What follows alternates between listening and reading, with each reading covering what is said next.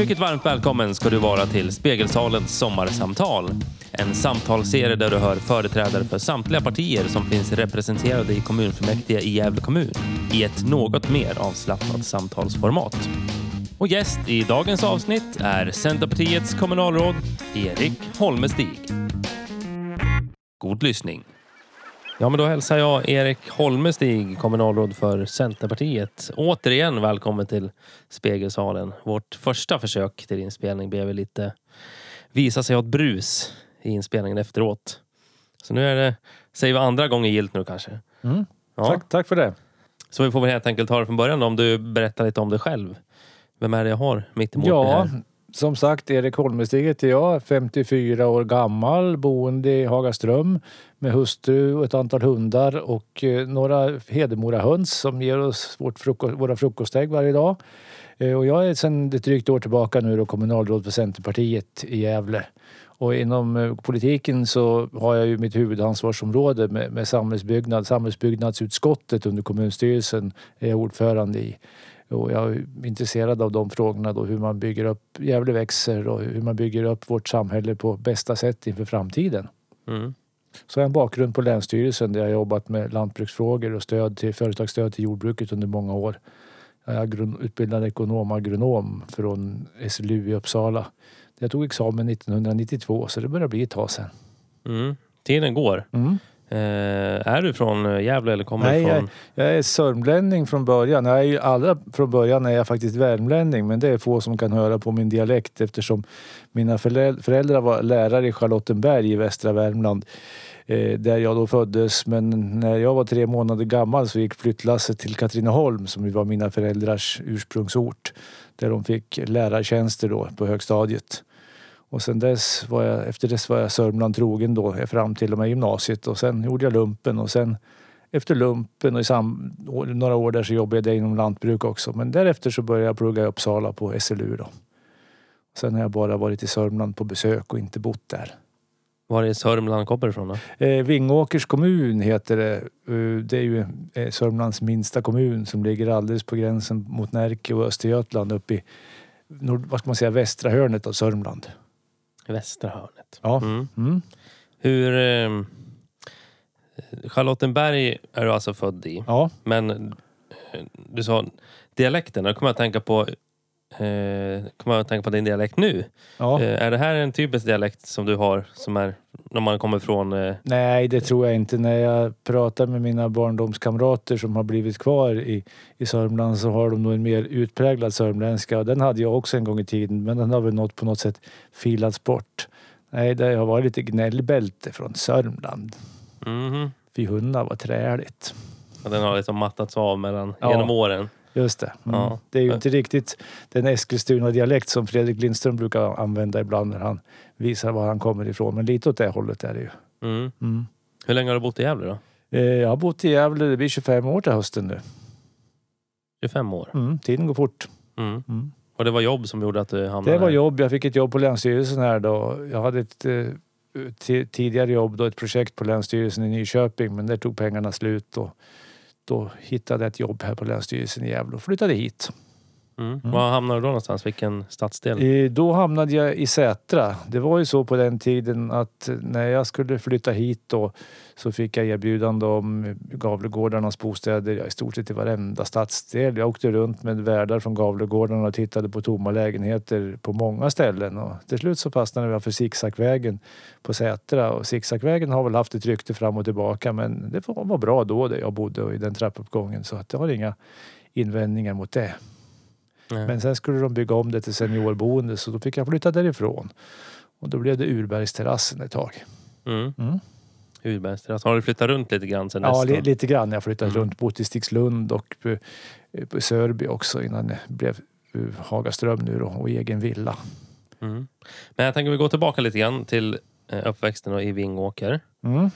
Ehm, bodde du på... Jag tänker, du är ju aktiv centerpartist. Ja, Då är, traditionen bjuder ju att man har någon form av lite lantlig lantbruksbakgrund. Men det stämmer ju inte alla gånger. jo men Hur- det, det stämmer för mig för jag är, uppväxt, jag är uppväxt på landsbygden. Mm, ja, men jag tänker lantbrukarfamilj. Nej, Nej. inte i min generation eller mina föräldrars generation. Men däremot min farfar och farmor hade en mindre mjölkgård i Julita, en bit därifrån.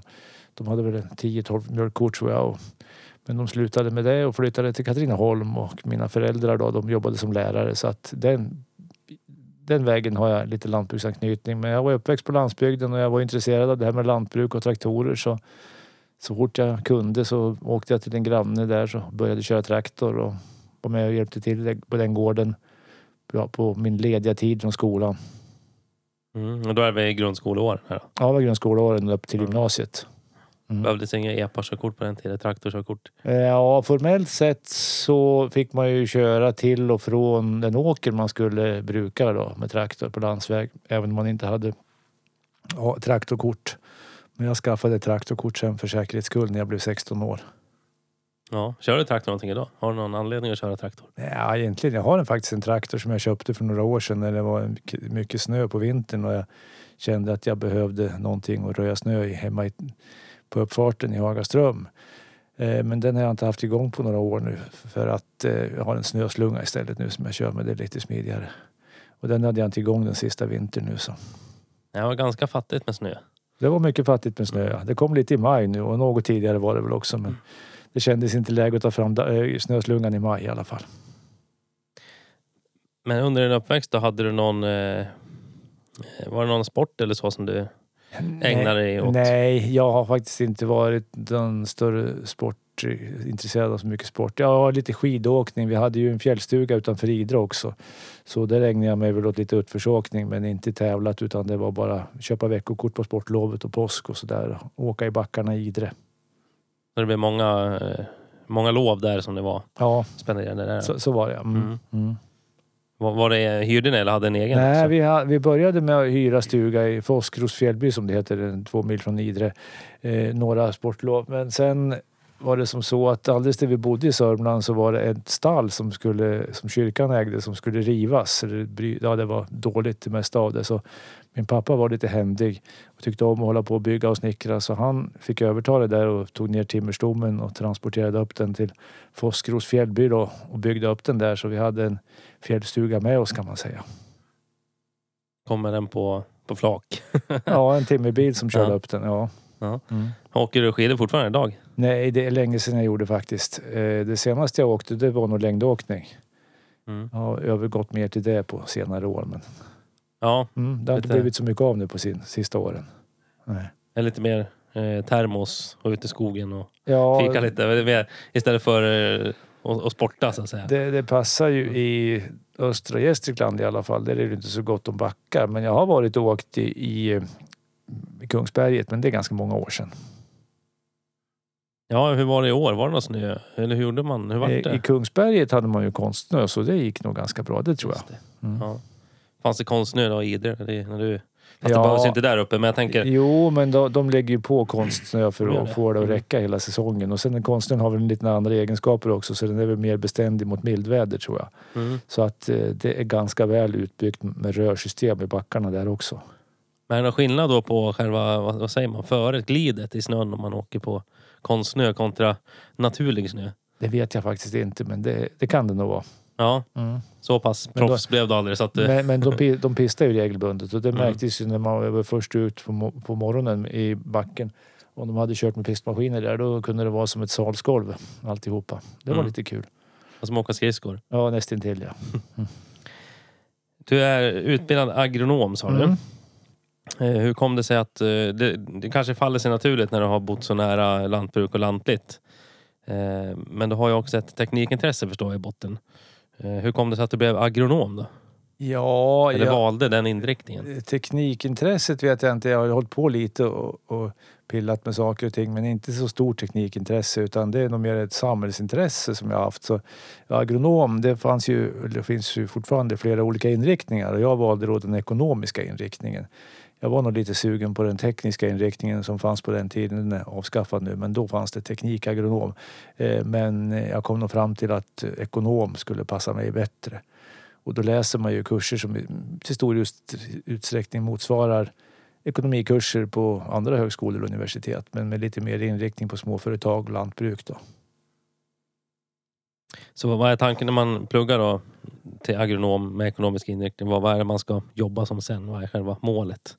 Ja, ska jobba som vet jag inte riktigt. Många hamnar nog ganska brett. Vi hade en återträff min årskurs här om året och det är ju många som jobbar inom bank och de jobbar inom offentlig sektor som eh, ekonomichefer på kommuner och, och andra före, företag runt omkring. Och en del har lantbruk också.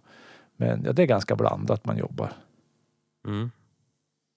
Det är en ganska bred utbildning ändå, då, tänker jag. Ja, Alltså det är det. vad man får kompetensmässigt av den. Absolut. Sen kan man ju de andra inriktningar då som är mer naturvetenskapligt inriktade som eh, markväxt, eh, och agronomer och husdjur och, och bioteknik och så här. De har ju andra kurser som de läser.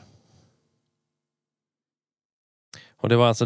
Eh, det var i Uppsala du pluggade? Ja. Förstod jag. Det var det. Mm. Mm.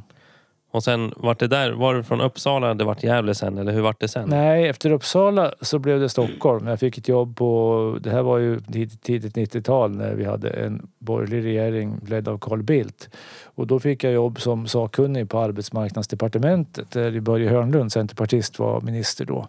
Och han behövde någon sakkunnig där så, så kom jag in och jobbade där fram till regeringsskiftet 94 och då fick jag ett projekt eller visstidsanställning i Nyköping på Länsstyrelsen. Jag jobbade ett knappt år och därefter så blev det Gävle. Mm. Mm. Berätta lite om, om arbetet då, som sakkunnig åt eh, Börje Hörnlund. Sa du så? Ja, jag kom ju in där som eh, brevsvarare heter det. Det vill säga han fick ju väldigt mycket brev från allmänheten runt omkring i landet som krävde, som ville ha svar med lite politisk vinkling. Ofta, ofta var det ju svar som eh, var rent, rena tjänstemannaprodukter. Att det var svar på frågor helt enkelt, vad, vad som gällde. Men, men, men ibland skulle det vara lite politisk vinkling på svaren också och då behövde han hjälp av någon med lite centerbakgrund. Så då fick jag jobbet där då. Så det var du som svarade och Ja, inte han? Ja, det var ju han som svarade. Jag kom ju med, med koncept som han fick läsa igenom. Eh, Eftersom han, ha- han var så erfaren och hade kände så mycket folk runt omkring så ville han gärna stoppa in några personliga hälsningar till någon som de hade gemensam som bekant och sådär. Och det var ju svårt för mig att veta på förhand förstås. Kom du in eh, un, mitt under mandatperioden eller var du med liksom hela? Nej, jag kom in... eh, Regeringsskiftet var ju oktober 91 och jag kom in i november 92. Det var ju treåriga mandatperioder på den tiden. Det var Mm. den sista treåriga mandatperioden då. Mm. Mm. Du som var med då i, i gamet, varför ändrades det till fyra år? Det vet jag faktiskt inte, men man, man tyckte väl att eh, man behövde fyra år för, för politiken att ku- kunna verka och att eh, trots allt, eh, när man har ett, ju kortare mandatperioder man har, fördelen innebär ju att folket får vara med och säga sitt oftare. Nackdelen är ju att det är ju svårare för en regering att kunna ta lite jobbiga beslut om man säger så, som man känner att de är nödvändiga ändå för att nästa val är så tätt in på knutarna. Kan jag Ja. tänka mig. Mm. Och sen hade vi ju EU-medlemskapet och det finns ju inga krav inom EU att man ska ha fyra, hur långa mandatperioder man ska ha. Men man tyckte väl där då att det skulle vara lämpligare för, i processen. Mm. Mm. Och då, då, så alla, både riksdag, landsting och kommun var Ja. på tre år. De låg på tre år Ja, innan ja. Och sen vart allting fyra. Eh, och anledningen så vitt jag har förstått att man hade treåriga istället för fyra eller fem som man har i många andra länder. Det var just det där att man hade gemensam valdag. Så att befolkningen hade ju bara en chans var tredje år att gå till valurnorna. I andra länder där man har skilda valdagar men kanske fyraåriga mandatperioder då har man ju ändå fler chanser eh, en, under en tioårsperiod så att säga att gå till valurnan och göra sin röst hörd. Så då införde man treåriga mandatperioder i Sverige men då borde man väl i konsekvensens namn ha infört skilda valdagar då när man hade fyraåriga mandatperioder men så gjorde man ju inte. Jag tänker också den här eh, tiden som du jobbade som sakkunnig då. Det var i början på 90-talet. Hur- Mm. Jag var in, senast jag var inne i riksdagshuset var 2017 tror jag. 16, 17. Ja, Ganska gedigen säkerhet för att komma in. ja det Fick ju tömma det som- alla fickor och visa liksom allt man hade på sig och allt det där. Eh, hur var det när du jobbade? Var det bara så som man har hört berättas Det var bara att gå raka vägen in? Ja, det, det satt ju folk i receptionen, eller vakter där. Det fanns ju väktare som satt där. Men det var, jag vet inte, jag kanske någon gång som jag visade min legitimation och vem jag var och sådär. Men annars var det att man gick förbi och sa hej till dem i stort sett. Mm. De hade ganska bra koll kanske vilka Ja, som... det kanske de hade också. Men det var ju inte alls den säkerhetsrutin som, som det är nu. Så är det ju. Var det ju. Nej, Det är han- lite, lite synd på något sätt. Jag hörde om någon som på 60-talet eller vad det var hade frun med sig till Stockholm och fick, kom på snilleblixten att de skulle gå in på Rosenbad och se om Erlander var inne. Men det var ju bara att stövla in där och Erlander han var inne så han fick se en pratstunden där. Ja, det, det är lite tråkigt att det har blivit Ja, inte bara armlängds avstånd. Nej, men- liksom, vi, vi har ju den historia vi har, inte minst i Sverige, med vad som har hänt med ledande politiker och man kan ju förstå att det inte går att ha det som på 60-talet, tyvärr. mm. Tiderna förändras även här. Ja, Sen, eh, om vi ska gå in lite på hobby. mm. Där vet jag att du har en stor hobby som är en, bokstavligt en stor hobby. Flyg. Ja, flyg ja. Jag har ju Mm, och inte flyg. modellflyg. Inte modellflyg, nej. flyg. Eh, De modellflygarna är ju verksamma inom samma flygklubbar ofta. Mm. Men eh, jag håller på med, med, eh, med, med stor, ja, ultralätt flyg som det heter. Och det är ju då en enklare modell av flygplan men trots allt man kan sitta två personer i och flyga ganska ansenliga sträckor mellan, mellan landningarna. Och det tycker jag är en trevlig hobby. Man ser väldigt bra över nejden. Man får en, ett annat perspektiv på naturen eller upp, när man ser den uppifrån och på vårt, vårt land. Och man kan ta sig relativt fort mellan två punkter också. Hur fort eh, går ditt plan då? Eh, Ja, det flyger ungefär 150 kilometer i timmen. Jag kan flyga fortare också, men blir det lite turbulent i luften så, eh, så, så frestar det på grejerna mer och ju fortare man flyger. Men jag har faktiskt varit uppe i snudd på 200 kilometer i timmen med mitt flygplan. Men, ja, så det går att flyga så fort. Mm. Men 150 är mer normalt för det är för min maskin. Är det en, en öppen Nej, hytt? Eller det- som säger, du har en hytt som du sitter Ja, i? jag sitter i en cockpit ja. Ja, det är är så jag. det heter. Cockpit. Mm. Just det. Ja, eh, för jag tänker om man sitter ut, utan, upp, heter det öppen cockpit? Ja, ja eller upp, man sitter öppet ja. Ja, Sitter öppet. ja just det. Mm. Eh, går de planen sam, i samma hastighet? Jag tänker, det måste ju vara väldigt jobbigt att ha det ja, de, vindtrycket mot sig. de, har ju, de har ju en frontruta förstås som Mm. leder bort det mesta av vinden. Så sitter man i skydd lä bakom frontrutan så är det ju ingen större fara. Så är det. Sen har man ju oftast någonting på huvudet också. En, en mössa eller någonting som håller ner håret. Mm, Ja. precis. Eh, och det här är ju alltså ett eh, mindre flygplan om jag Ja, förstår. det det. Mm. väger 450 kilo som mest när det är fullastat med bränsle och passagerare och pilot. Mm. Mm. Det, det, det, är liksom, det får inte vara något mer. Nej, det får inte vara mer med de reglerna. Nej. Sen har de ju infört nya regler som gör att man kan ha ultralätta flygplan upp till 600 kilo. Men då måste ju varje typ vara godkänd för det och det vet jag inte om min skulle bli. Hur får man det godkänt då? Eh, Ja, det är ju, det är ju en typcertifiering som man får när man konstruerar och bygger ett flygplan. Så finns det ju besiktningsmän då som går igenom och beräknar hållfastheten. Eller man får ju själv beräkna alla hållfastigheter men sen granskas det av en oberoende part som ser att det här stämmer. mm. Hur ofta är du ute och flyger då? Ja, nu har det varit, det var det någon månad sedan faktiskt. Det var ju så mycket annat men eh, det kan bli lite till och från. Nu, jag hoppas väl det blir en del i sommar här nu. Mm. Ja. Det ser ut att bli bra väder den här veckan så får passa på nu. Ja, det gör det. Å andra sidan när det är riktigt varmt mitt på en dag, då är det ganska kyttigt i luften. För det är ju termikblåsor som släpper från marken hela tiden. Det ju, ser ju nästan ut som kokande vatten det. Men istället så är det luftblåsor då som släpper av värmen. Och, och då hoppar det ju ganska bra upp i luften. Vad, het, vad sa du att det hette? Te- termik. Termik. Termik, ja. Det är ju sådana uppvindar som segelflygarna lever på och får stiga av. Men jag som motorflygare då, jag vill ju ha en lugn luft. Så att en, en härlig stilla sommarkväll, det är idealiskt när man flyger motorflyg. Mm. Eller tidig morgon. Vad är härligast då? Har du flugit båda? Ja, jag har, jag har flugit med, med ganska mycket termik och då får man ju sitta och korrigera med, med styret med, med spaken hela tiden. Det är ju lite jobbigt då. Men, Mm. Jag menar morgon ja, eller ja, kväll. ja, jo, där, där har jag flugit. Mm. Mm. Vilken föredrar du? Ja, det är klart att det är skönt när man i stort sett skulle kunna ha en breddfull kaffekopp på instrumentpanelen utan att det droppar, spiller ur en droppe. Så, sådana flygtider har jag sen kväll har jag varit med om. Det går alltså att ha...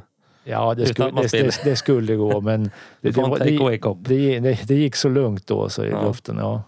Vart flyger man någonstans? Där? Jag tänker om man har en liten fritidsbåt så kan man åka lite hur som helst ute i skärgården. Ja, Men uppe i luften så gäller väl lite andra regler? eller? ja, i luften så finns det ju kontrollerad luft där man inte får ge sig in utan tillstånd och då får man ju ropa upp närmaste eh, myndighet som har hand om det då.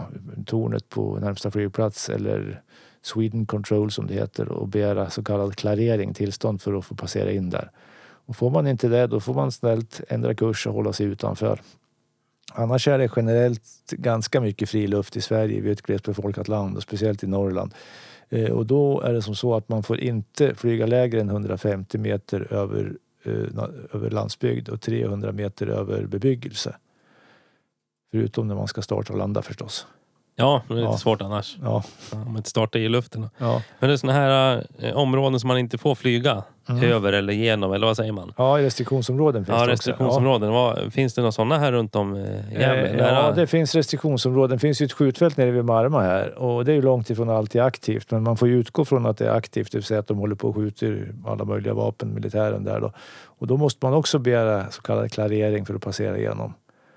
Och sen har vi ju Forsmark kärnkraftverk och där som ett restriktionsområde och där får man aldrig klarering för att eh, flyga rakt över. För det är väl just för terroristangrepp som, som man vill undvika sånt. Och sen vissa fängelser får man inte flyga över heller. Då. Vad händer om man gör det då? Om du skulle köra, köra rätt Ja. över Forsmark? Då får man nog en reprimand, det vill säga om de talar, tar, tar reda på vem det är som har gjort det, då får man nog ett ilsket brev antar jag. Mm. Jag vet inte vad det är för straff på det, men det kan ju bli frågan om straff och böter där också. Ja, för det finns ju ingen luftpolis som det finns. Nej, det gör det ju inte. Nej, nej. Nu tappar jag vad de heter på, på vattnet. Eh, Sjö, Sjöpolisen. sjöpolisen, nej just det. Ja. Ja, Så då, då blir det efterspel i så fall. ja det, det blir det. Om de vet vem det är. Ja, ja just det. Mm. Är det lätt att identifiera ett plan då man... Ja, inte normalt. Men är det så att man flyger och och har tagit kontrakt med, med Sweden Control och fått en så kallad transponderkod där, hos dem, en transponderkod hos dem, då kan de ju hela tiden se var just jag befinner mig. Och då ser de ju då när jag ger mig in det jag inte har tillåtelse att göra. Då kanske de ropar upp mig och säger att jag ska svänga eller också så får jag väl ett brev på posten efteråt sen. Mm. Mm. Och någon fartkamera finns det inte heller. Nej, det gör det. Det finns inga fartbegränsningar i luften heller tror jag. Nej. Det är väl det att man ska vara försiktig med ljudbangar men sådana kommer jag ju inte i närheten av. Eller uppgradera lite grann. Ja, då får jag uppgradera Ja, det. Ja. till vad var det 600 kilo? ja, just det. Nej men... Eh, så, så hur... Eftersom att det är en hobby som är... Det är ju ingen vanlig hobby så att säga. Det, det tar ju lite tid. Det kräver, Ja, det gör det. Mm. Eh, Mm, det kräver sitt engagemang tänker jag. Hur mycket tid lägger du på, på flyget då? Ja, det är svårt att skilja på för jag är ju medlem i flygklubben också. Där jag sitter med i styrelsen.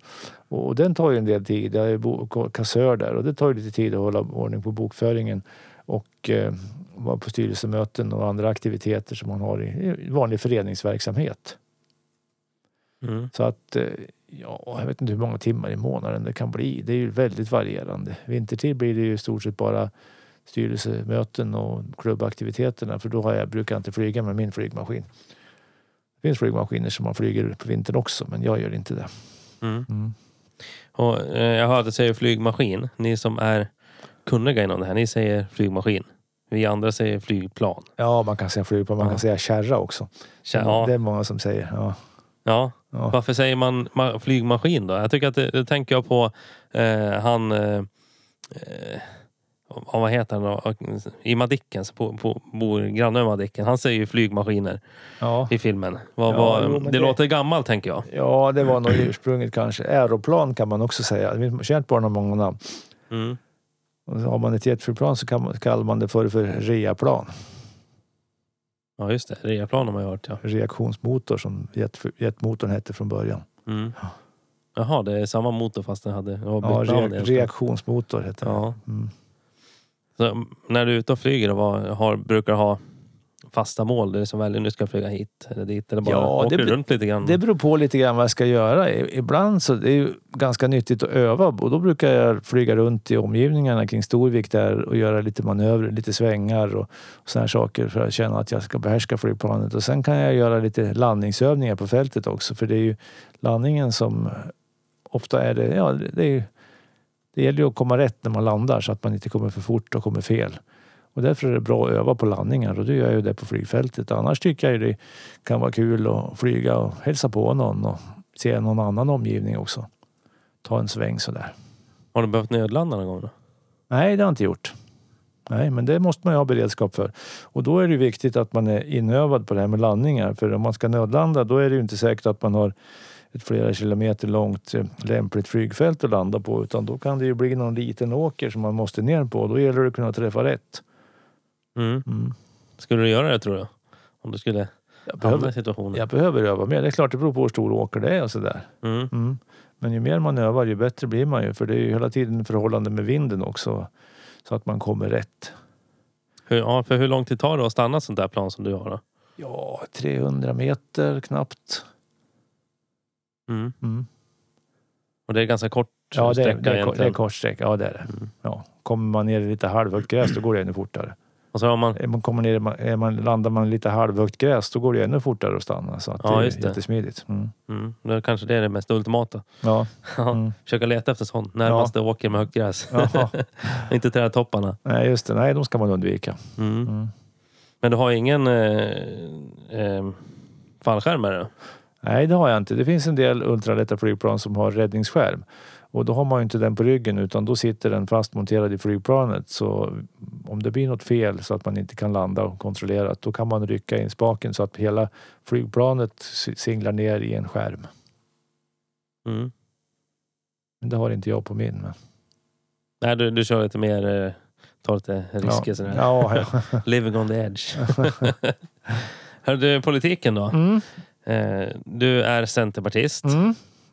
Har det alltid varit Centerpartiet som varit Ja, liksom, Det, det, har, parti? det har det ju varit. Jag kan ju sympatisera med andra partier i vissa frågor också men det, Centerpartiet har ju varit det som jag haft med mig från, från barnsben kan man säga. Min pappa hamnade ju i kommunfullmäktige i Vingåker då i början på 70-talet och fick uppdrag i fullmäktigeordförande och hamnade i- som oppositionsråd i kommunstyrelsen och så här. Så han har ju, jag har väl haft det med den vägen.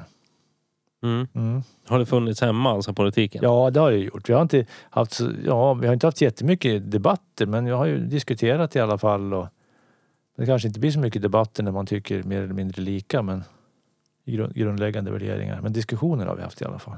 Vad har ni pratat om då, då när ni har fört diskussioner hemma? Jag tänker de här klassiska över matbordet liksom i köket. Ja, det har ju varit ja, lo- lokala politiska frågor och skolor och busslinjer och Vingåker är en liten landsortskommun med, såna, med mycket sådana problem då. Och utflyttning och skolresultaten är ju väldigt dåliga där och, och så. Så att det finns ju stora utmaningar där. Har funnits under lång tid. Minns du någon uh, het fråga då som var uppe när du bodde i Vingåker? Som var det som verkligen den... Eh, Eh, Du var en långkörare, riktigt sån här. Som, Jag, jag vet inte riktigt långkörare så där. Jag kommer ihåg när de skulle bygga nytt badhus och det var väl kanske en god tanke för det gamla badhuset det var byggt på 50-talet och ena änden stod på lerjord och andra stod på berg så det sprack ju mer eller mindre.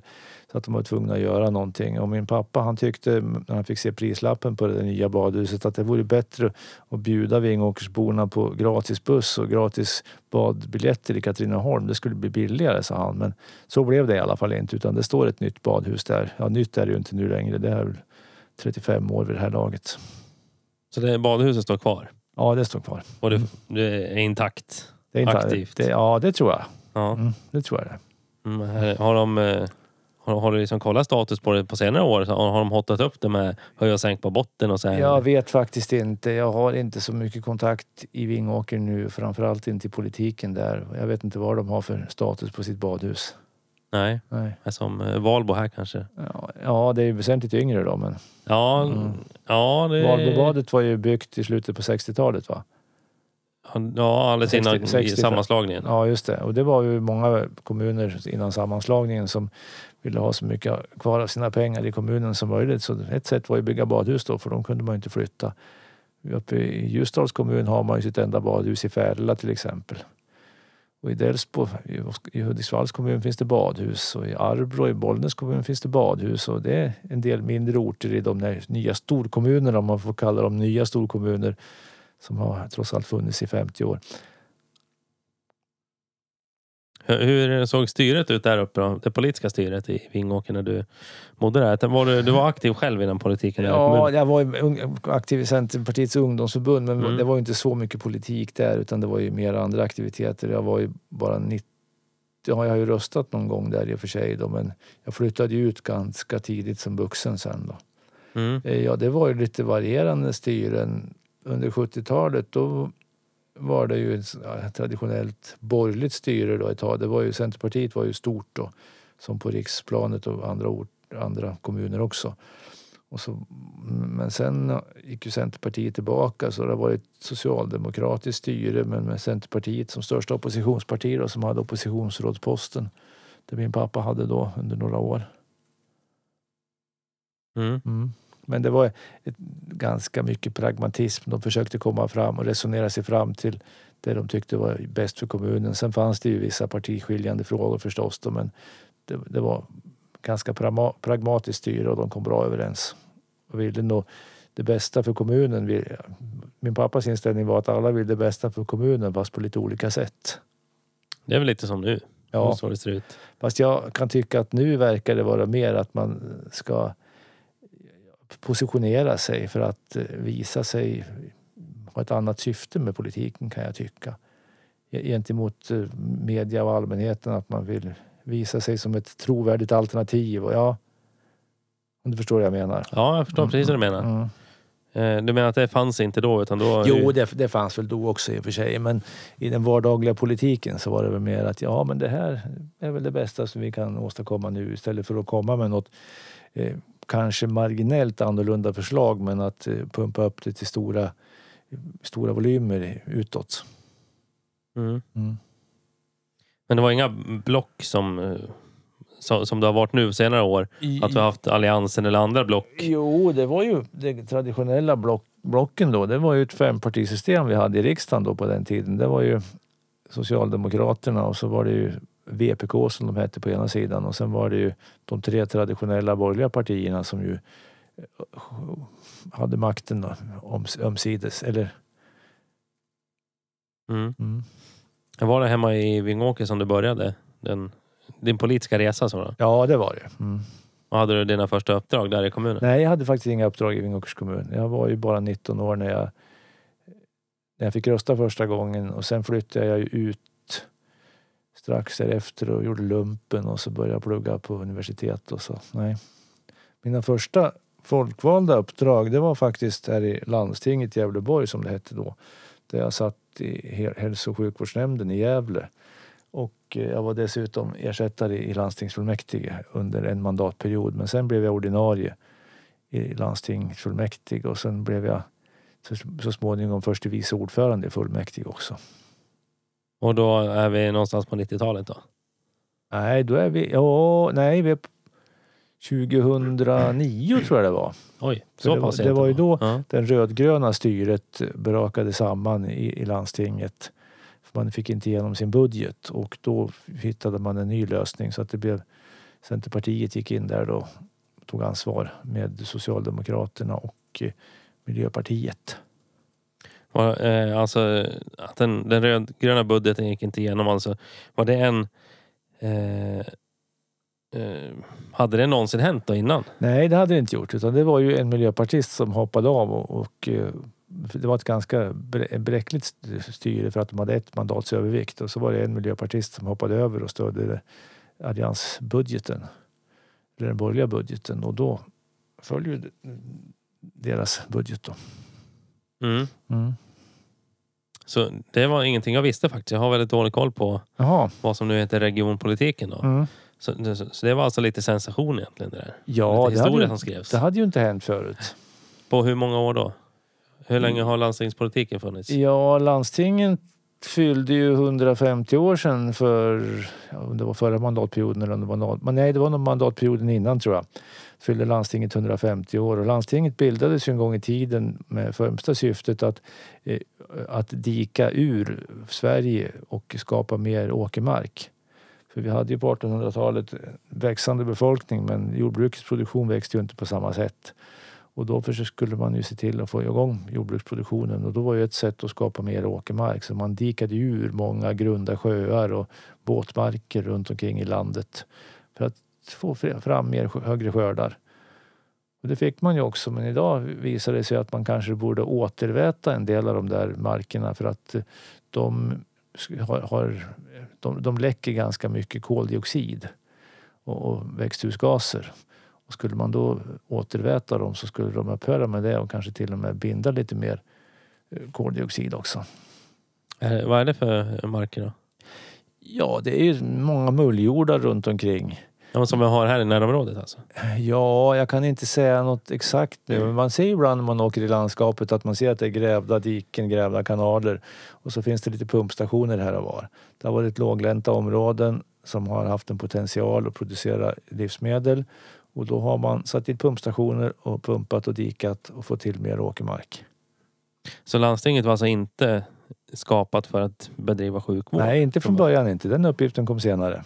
Jaha, Mm. jag trodde att det var så det började. Nej, det var det inte. Och sen nu har man börjat addera massvis med andra Nej. saker. Kollektivtrafik och kultur. Mm, Vad det nu är för någonting nej. möjligt. Okej, när, när vart det sjukvård av det hela? Det kan jag inte svara på faktiskt, men det var nog lite senare. Sjukvården var ju ganska rudimentär på den här tiden. Det var ju Mm. inte så mycket man kunde göra. Det fanns ju lite statliga sjukhus. Universitetssjukhusen var väl statliga antar jag. Jag kan inte svara på det. Gävle sjukhus har ju en gång i tiden varit kommunalt. Men jag vet inte när landstingen fick de här uppgifterna. Men det kan man ju kolla på nätet. Ja, Mm. internet finns ju där. Ja. Man, hade, man hade ju municipalläkare och provinsialläkare och så här tidigare. Det var ju kommunala tjänstemän tror jag. Så att den primär, sjukvård som fanns det var ju mer primärvårdstyp Mm. det. Och det var nog en kommunalt uppdrag. Om det inte till och med var kyrkan som hade hand om det. Men det var ju Mm. tidigare ändå det. Ja, precis. Det var väl inte så mycket mer än receptbelagda kallbad och varmbad. Ja, ungefär ja. Mm. Ja. Mm. Så eh, det är svårt att säga egentligen hur, hur länge det politiska styret har... Ja. Ja. Mm. Men det, var det politiskt då när man skulle gräva diken också? Eller hur var Jo, det? det var det ju. Mm. Ja. Då satt man och röstade också. Ja. Men då var det ju inte de partier som finns nu. Tänker jag. Då Nej, var nej, hattarna var- mössorna ungefär. Ja, det, var, det var ju lite senare men det, Mm. det var ju framförallt och rösträtten var ju graderad så att den som hade högre inkomst hade ju mer rösträtt än den som hade lägre inkomst. Mm. Ja. Ja, men hur, hur som helst, där 2009 så var det ju lite sensation då. Ja, Hur... eh, för jag tänker tillbaka på 2015 här i fullmäktige när, när den rödgröna budgeten Mm. faller för första gången. mm. Det suset som gick då i, i salen. Var Ja. det samma känsla på, på regionfullmäktige då också? Att eh, Ja, det- nu, nu skrivs historia liksom. Ja, Går det, det- här suset i lokalerna? Vi, vi visste ju inte vad som skulle hända precis då utan det, det är klart att det var ju en liten ja, fundering. Vad händer nu då? Och vad skulle det bli? För det återstod ju en hel del förhandlingar sen innan vi kom fram till ett gemensamt program att jobba efter. Det är klart att man sätter sig inte bara ra- rakt över disk och börjar på att samarbeta med en ny konstellation utan det måste ju tänkas igenom noga. Och man, ja, många saker som måste övervägas. Hur, hur blev eh, resultatet då? Vilka tog över och hur Ja, såg det- konstellationen ut då? Det var ju vi, Centerpartiet då från den andra sidan om man säger så, som, som kom fram till ett samarbete med Socialdemokraterna och Miljöpartiet. Ja, så då, de rödgröna satt egentligen kvar men Centern följde med. Ja, alltså Vänsterpartiet försvann ju. Mm. De var inte med i styret längre. Nej. Och då var det ändå en majoritet då med de här tre partierna. Ja, vi, vi hade en majoritet ja. Mm. Mm. Ser det fortfarande likadant ut? Eller hur? Ja, nu är, finns ju Vänsterpartiet med också då. Mm. Mm. Så, så nu är det Socialdemokraterna, Centerpartiet Vänsterpartiet och Miljöpartiet. mm. Mm. och det är rätt storleksordning också. Blir det så? Ja, Socialdemokraterna, Centerpartiet, Vänsterpartiet och Miljöpartiet. Just det. Så. Mm. Mm. Mm. Precis, låter, låter rimligt. Ja. Mm. Ja. Eh, och, är du fortfarande aktiv inom eh, landstingspolitiken? Ja, jag är ju med. Jag sitter som ersättare i fullmäktige och sen är jag vice ordförande i Folktandvårdsbolagets styrelse. Mm. Mm, Det är ett intressant uppdrag tycker jag. Ja, Mm. då brukar du springa lite här i trapporna i- där vi sitter nu. I, Ja, det känner jag till ja. mm. För vi har träffats här en gång tidigare utanför. Ja, just det. Vad, vad är ditt uppdrag inom folktandvården? Ja, jag, jag sitter ju i styrelsen där och vi i styrelsen har ju då det yttersta ansvaret för folktandvården och, och dess drift. Sen har vi ju tjänstemannaledning förstås som, som styr den dagliga driften och eh, fattar mycket av, av de besluten och gör det på ett väldigt bra sätt. Man har ju ett eh, annorlunda läge nu i och med eh, den här covid-19 där man ju har av säkerhetsskäl fått stänga en hel del kliniker och säga nej tack till alla 70 plus patienter som ju inte kan komma hit med mindre än att de har akuta besvär för då måste man ju ta hand om dem också. Men de är ju en riskgrupp och de ska man ju hålla bort från riskerna. Och det är ju trots allt en risk att gå ut och träffa folk. Och, Mm. Har ni, men ni har haft era möten som vanligt eller har ni kört digitalt? ja, vi har kört digitalt delvis men sen har vi också haft eh, fysiska möten. Men vi är en styrelse som är, inte är så många personer utan då kan man ju hyra ett större, större rum och sitta med, på distans från Mm. varandra. Det, går, det funkar ju bra. Mm. Mm. Så du sitter i styrelsen alltså och Mm. eh, är med och styr, styr verksamheten? Ja, det kan Ja. man säga. Ja. Och det gör du i, som som invald från regionen då eller? Ja, det är ju Hur- regionen som Ja. äger hela Folktandvårdsbolaget, ja. Ja. Just det, och utser hela styrelsen. ja, men jag tänker, är det du som politisk representant som sitter i styrelsen eller som privatperson? Nej, jag sitter som politisk representant, ja. Ja. Ja, det gör jag. Mm. Mm. Det är mitt parti som har nominerat mig där. Det är så. Mm. Hur länge har du suttit där då? Ja, faktiskt, jag är inne på min tredje mandatperiod nu. Så vad blir det då? Det- Ja, det var nog faktiskt efter valet 2010 som jag kom in där, så ja, tio år då. Mm. Mm. Är ett tag. Ja, det Är, är det, är, är du en, eh, den som har suttit längst eller Eh, fler nej, som sitter? eh, ordförande Barry Gustafsson har ju funnits med längre. Det har han gjort. Mm. Mm. Men det finns ingen liksom, risk att man blir för bekväm om man sitter så länge på ett uppdrag? Tycker du? Ja, det, det, är väl, det kan det väl vara. Samtidigt så lär man ju känna verksamheten bättre och bättre med tiden. Men å andra sidan så ja, det får man ju bedöma Mm. på allt i fall. Om man tycker att man eh, kan göra ett bra jobb och ha, ett, fortfarande ha ett visst kritiskt öga och ställa frågorna hur kan det bli så? Är ni säkra på att det är så här? Och så. Mm. Mm. Men, men ditt eh, största uppdrag och mest tidskrävande tänker jag det är ju Ja, kommunalrådsposten. ja, det, så är det absolut. Mm.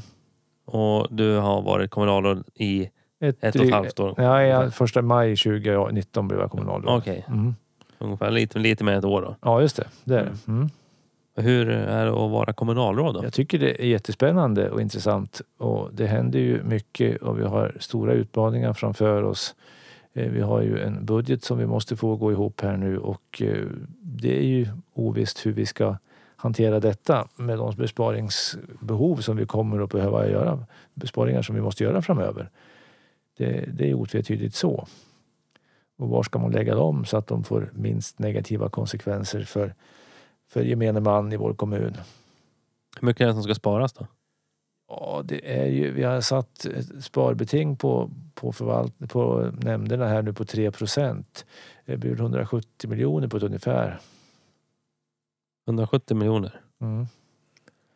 Eh, nu kommer vi att få kompensation för det här innevarande året från, eh, från statsmakterna för covid-19.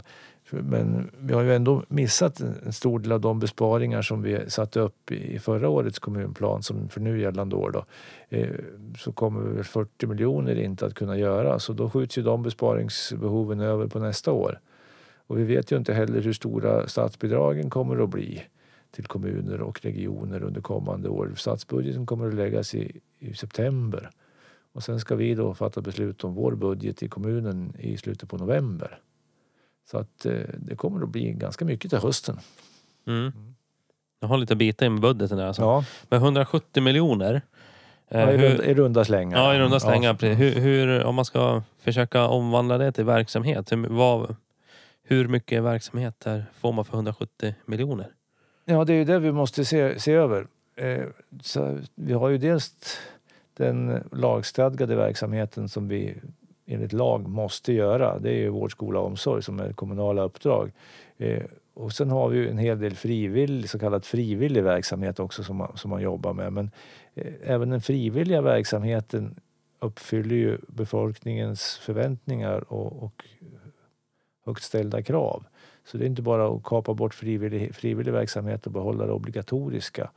Eh, för det kan ju även, det är säkert så att en del av det obligatoriska kan man spara på genom att göra saker och ting smartare helt enkelt och på nya sätt. Men eh, jag kan inte här och nu säga var och hur man ska gå fram då. Och det är ju svårt att få full helårseffekt på det. Det är ett långsiktigt jobb, ett tankesätt kanske snarare, som man måste ändra. Mm, det handlar inte så mycket om att, att ta bort verksamhet utan snarare att effektivisera ja, kan, den verksamhet som ja, finns. Ja, effektivisera den verksamhet som finns men även kan det nog bli frågan om att vi får ta bort verksamheter som vi upplever att det här får medborgarna betala ur egen ficka. Eller det här får medborgarna klara sig utan. Ja, var, var, det, men var det självklart för dig förresten, om vi går tillbaka till det här med kommunalrådsposten, var det självklart att tacka ja till jag utgår från att du fick en förfrågan. Ja, för att, det, det var fick... väl Bengt-Göran ja, det, som skulle det, vara... Det var ju det och vi hade mm. ju en omröstning då i februari där det var tre kandidater och jag var inte en av dem. Eh, men där då Bengt-Göran blev vald och jag tyckte det var, ett bra val tyckte jag. Jag tyckte de andra kandidaterna hade klara förtjänster också, hade kunnat bli jättebra kommunalråd. Men nu blev det Bengt-Göran vi valde. Vilka var det som var, eh, som var, ja, det var föreslagna? Det var Stefanie Forsmark och sen, vem var det mer? Det kommer jag inte ihåg, men det var Stefanie Forsmark i alla fall. Mm. Så det var, och eh, men det var Bengt-Göran som blev vald. Jag tyckte det var utmärkt bra. Eh, men sen rullades det här upp då med en massa saker som ju egentligen, ja, det visade sig ju sen att det var ju ingen stor sak, men det var då det. Det var då det. Mm. ja. Eh, och sen fick jag då frågan om jag kunde ställa upp och jag var ju ordförande i Gävle Energi och tyckte att det var ett intressant uppdrag och, och så här. Så det var inte självklart för mig att tacka ja från början, men sen kom frågan och så, ja, funderade på det ett tag och sa ja, kanske, intressant. Och det ångrar jag inte nu. Nej, du gör inte Nej. det? Du har inte ångrat det en enda gång? Nej, det har jag inte gjort. Nej. För jag tänker att man är ju ändå... Eh, när man kliver in i den rollen så kliver man ju också ut i offentligheten så att säga. Det gör man ju förstås. Ja. ja. man får ju räkna med att man kan bli påhoppad och få lite negativa omdömen i tidningar och sådär. Och det får man väl ta. Mm. Mm. Har du, hur har du känt inför det? Har du liksom känt dig påhoppad någon gång eller är det mestadels positivt? Ja, ja, klart att jag har blivit utsatt för, för en del andra uppfattningar. Inte minst i det här med, med vindkraften och utposten. Eh, där jag har all respekt för att man kan ha en annan uppfattning i sakfrågan men man måste försöka hålla sig till sak också. Mm. Mm. Och det har man inte gjort i, i den debatten? Ja, jo, det har man väl gjort. Man har ju haft, med, men man försöker samtidigt väva in en massa andra saker. Man, man, tycker inte att det räcker med att säga att jag känner inte för det här och det känns inte bra utan man måste liksom väva in andra saker också som att det skulle skada fisket och att det skulle skada turismen och företagandet och allt möjligt. Och, ja, det finns ju inte erfarenheter från andra håll som, som visar att det skulle skada fisket eller företagandet i turismen. Vissa turistkategorier kan försvinna men andra turistkategorier kommer till och sådär. Det är långt ifrån säkert men jag tycker man ska vara rätt fram och säga jag gillar inte den här tänkta vyn och jag kommer att säga nej till den. Ja men då är det som det är. Men, mm. Mm. Precis, jag, jag, kan hålla med dig att man ska hålla känslorna borta. Ska inte ja, känna, man ska sam, tänka. Samtidigt så är, måste man ju släppa fram känslor också. Jo, men jag menar så här, du ska ja. inte ha känsloargumenten menar jag. Du ska inte säga i ett politiskt samtal att ja, men jag känner att det här är inte bra. Ja, men i och för sig, det kan jag respektera. Jag, jag känner inte för det. Jag tror inte på det här. Ja, men då så, då gör man inte det. Men, ja, men då lär man ändå titta på sakförhållandena. Ja, och, jo, jo, men om, om, man då ska försöka hitta på mer eller mindre krystade sakargument för sin sak. Jag hörde till exempel om när på 1800-talet man skulle dra järnväg mellan Stockholm och Uppsala så fanns det ju åtskilliga i Uppsala som inte tyckte det där var någon bra idé. Eh, och det är klart att det var ju bullrade och det luktade illa och det bröt igenom landskapet på ett attraktivt sätt kanske. Men då förde man ju in argumenten att det skulle stå, Uppsala-studenterna skulle obenhörligen ledas in i försyndelserna i Stockholm och fördärvas av detta. Och det är väl mycket möjligt att en eller annan gjorde det. Men jag tror i huvudsak ändå har järnvägen varit positiv både för Stockholm och Uppsala. Ja, det, det tror jag också faktiskt. Så här med facit i hand. Ja, Så har du hjälpt mer än vad du ja. Ja. Men du, har du några hjärtefrågor som du så brinner extra för? Ja, det är den här energiomställningen och hitta, på, hitta nya energislag, för- förnyelsebara energier. Eh, och att Gävle ska växa på ett smart sätt. Få, få en tillväxt i vår kommun upp till 120 000 invånare som vi har sagt på sikt här. Samtidigt så har vi ju då, eh, jag är ju även landsbygdsvurmare eh, och jag vill ju inte att, det ska, att vår landsbygd ska avbefolkas därför att folk flyttar in till stan. Samtidigt så ska ju folk ha en frihet att bosätta sig där de vill. Så jag hoppas ju och tror på en framtid där vi kan ha goda kommunikationer mellan stad och land så att den som vill kan bosätta sig på landsbygden och ändå ha goda kontakter och ett arbete kanske där intressanta arbeten finns. Mm. Hur uppnår man eh, de kommunikationerna då? Jag tänker då är det kollektivtrafik vi pratar om. Ja, kollektivtrafiken är ju viktig på de stora stråken. Medan däremot så ser jag kanske inte att man kan ha jättetäta bundsförbindelser mellan småorterna ute på landsbygden eh, och eh, tätorterna och så vidare till de småorterna ligger ut med stråken. Så då får man ju se andra kommunikationsmöjligheter också. Till exempel att man kan arbeta på distans några dagar i veckan och att man kan åka med eh, smarta bilar som inte spyr ut eh, miljöfarliga av, utsläpp. Eh, Och kanske parkera dem vid någon pe- pendlarhållplats och ta bilen de sista två tredjedelarna av resan eller så. Mm. Och åka kollektivt. Det här med energiomställning, då, vad, om du preciserar det lite mer. För nu har vi jag tänker på energislagen då. Ja, Det är kärnkraft, vindkraft, vattenkraft i största ja, del. Ja, just det. Mm. Ja, är, är, är de inte bra som de är idag? Eller hur ska det ställas om tänker du? Ja, jag ser på den förnyelsebara energin och vindkraften är ju en viktig del där. Men sen har vi ju även bioenergi. Men det är klart om vi ska ställa om Europas, e-, i EUs energi i stor omfattning till bioenergi så är det ju betydande utmaningar. För skogsråvaran, den finns ju i stort sett i Sverige och Finland i EU. Sen eh, söderut i Europa så är det ju skogar av en helt annan dignitet. De är ju små i jämförelse. Och få ut råvara från, från dem så att det räcker. Men odling av olika grödor som kan vara energigrödor Eh, tror jag på också. Och sen tror jag att vi måste använda de här, eh, de här eh, gödselmedlen som vi har utvecklat under mer än hundra år nu. De här mineralgödselmedlen som man till, framställer industriellt i fabrik.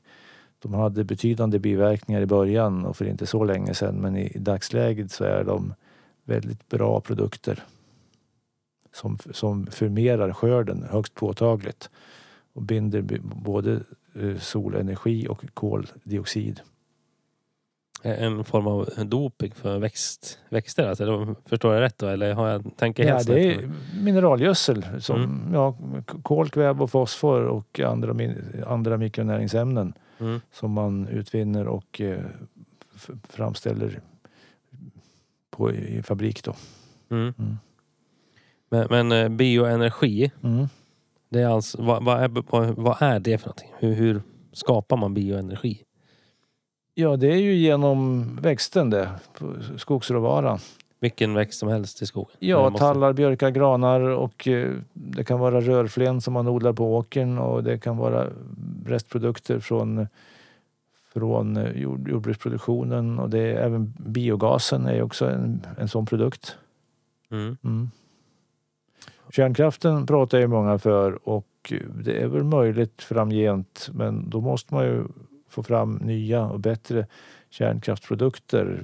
Fjärde generationen kärnkraft pratas det om att man skulle kunna ta det avfall som finns från dagens kraftverk och processa det och använda det igen. Och det må väl vara en bra lösning men just nu är den ju inte ekonomiskt lönsam.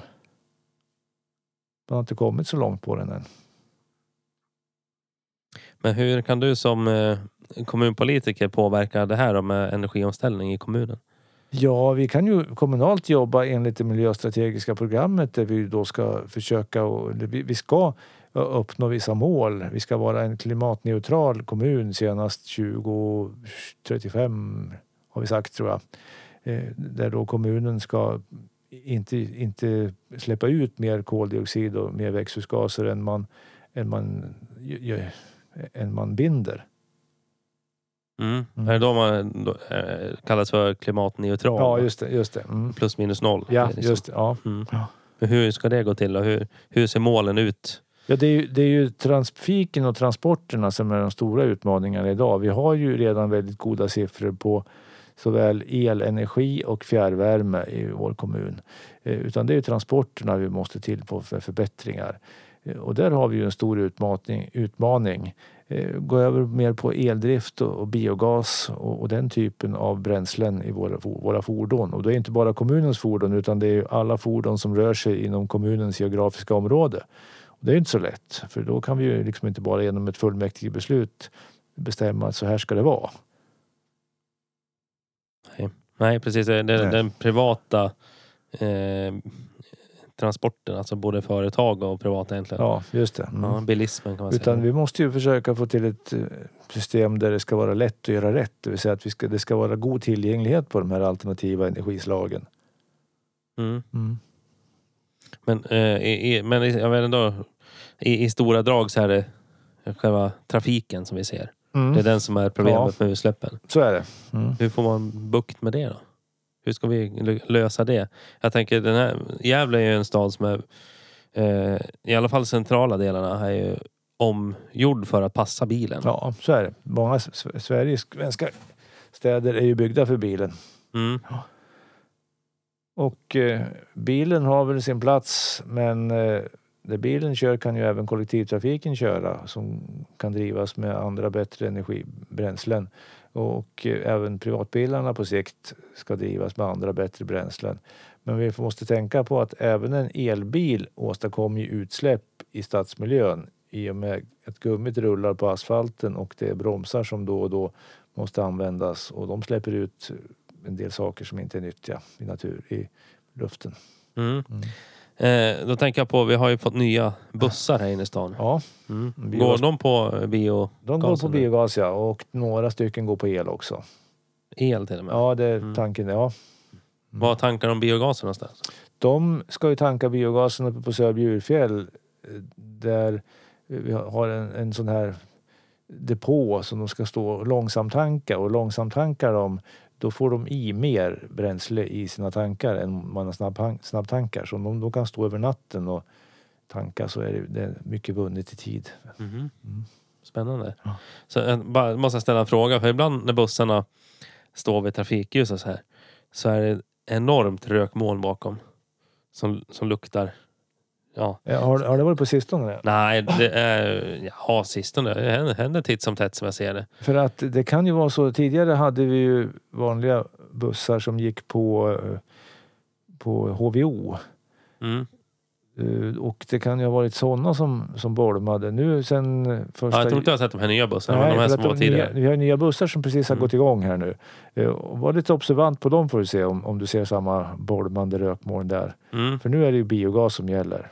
Mm, det var inte det, det var HVO de andra. Ja, just, ja, jag tror, ja, just det. Vad består HVO av då? Så tar det lite snabbt bara. HVO, ja det är ju egentligen en variant av diesel. För det är ju dieselmotorer man kör på, på HVO. Och det är ju olika växtrester. Det har ju varit en del palmolja där också som ju har varit lite tveksam miljömässigt med den produktionen. Men eh, ja, det är ju slakteriavfall och, och sådana saker. Så det är ju, det är ju återvunnet material. Mm. Det är fossilfritt, så det är bra på så sätt. Det låter lite eh, lite läskigt nästan, slakteriavfall. Ja, men det är ju ja. en del av komponenterna. Jag kan inte riktigt, ja. men de håller, håller på med det där ute i, ute i Norrsundet. Ja, just det. Kolla bit oil. Ja. Mm. Mm. Jag har kommit fram till sista punkten mm. för samtalet. Om du har några smultronställen här i kommunen eller kring kommunen som du vill dela med dig av? Ja, det finns ju mycket som är fint att titta på i kommunen. Om vi börjar med kusten från söder och Furuvik är ju ett smultronställe.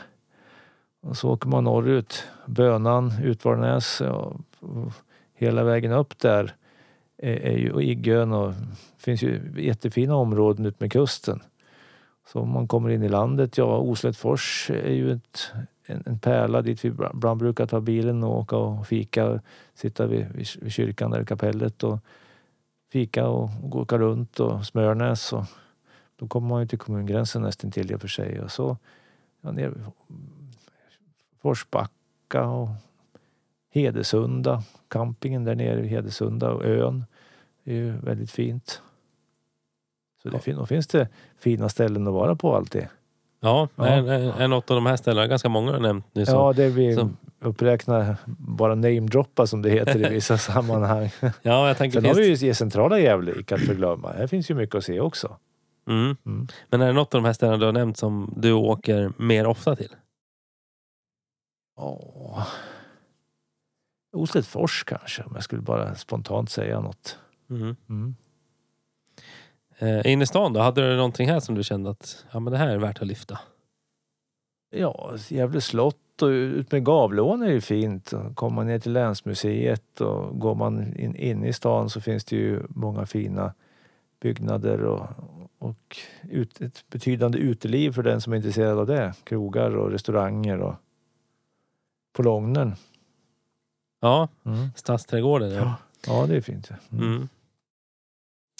Ja, Mm. känner du att du har berättat alla Ja. smultronställen här nu? Du har inte avslöjat eh, svampstället? Nej, det har jag faktiskt. Jag har inte så mycket svampställen att gå till. Sen klart, eh, uppe i Hagaström där jag bor också finns det ju fina promenadstråk som jag brukar gå med hundarna. Men det är Mm. ju mer för, rekre- för motions skull. Mm. Mm. Ja, det finns ett spår bakom Hagaström så att säga. Om jag förstår, nor- norr om. Ja, just det. det Ja. mm. Andra sidan är E16 nu. Mm. Eller hur blir det? Ja, jo så blir det. Just det, ja. Mm. Mm. Men då får jag tacka så mycket för Ja. att du kom återigen. Tack så mycket. Mm. Får hoppas ljudet funkar bättre den här gången då. Och hoppas. Ja, Får ha en fortsatt trevlig sommar också. detsamma. Tack för att du har lyssnat på det här avsnittet av Spegelsalen. Om du gillar innehållet får du gärna dela det i dina sociala mediekanaler och med dina vänner och med andra som kan tänkas vilja höra. Spegelsalen produceras av mig, Fredrik Olsson och spelas in i Studio Bankvalvet i Gävle. Tack för att du har lyssnat och tack för ditt stöd. På återhörande.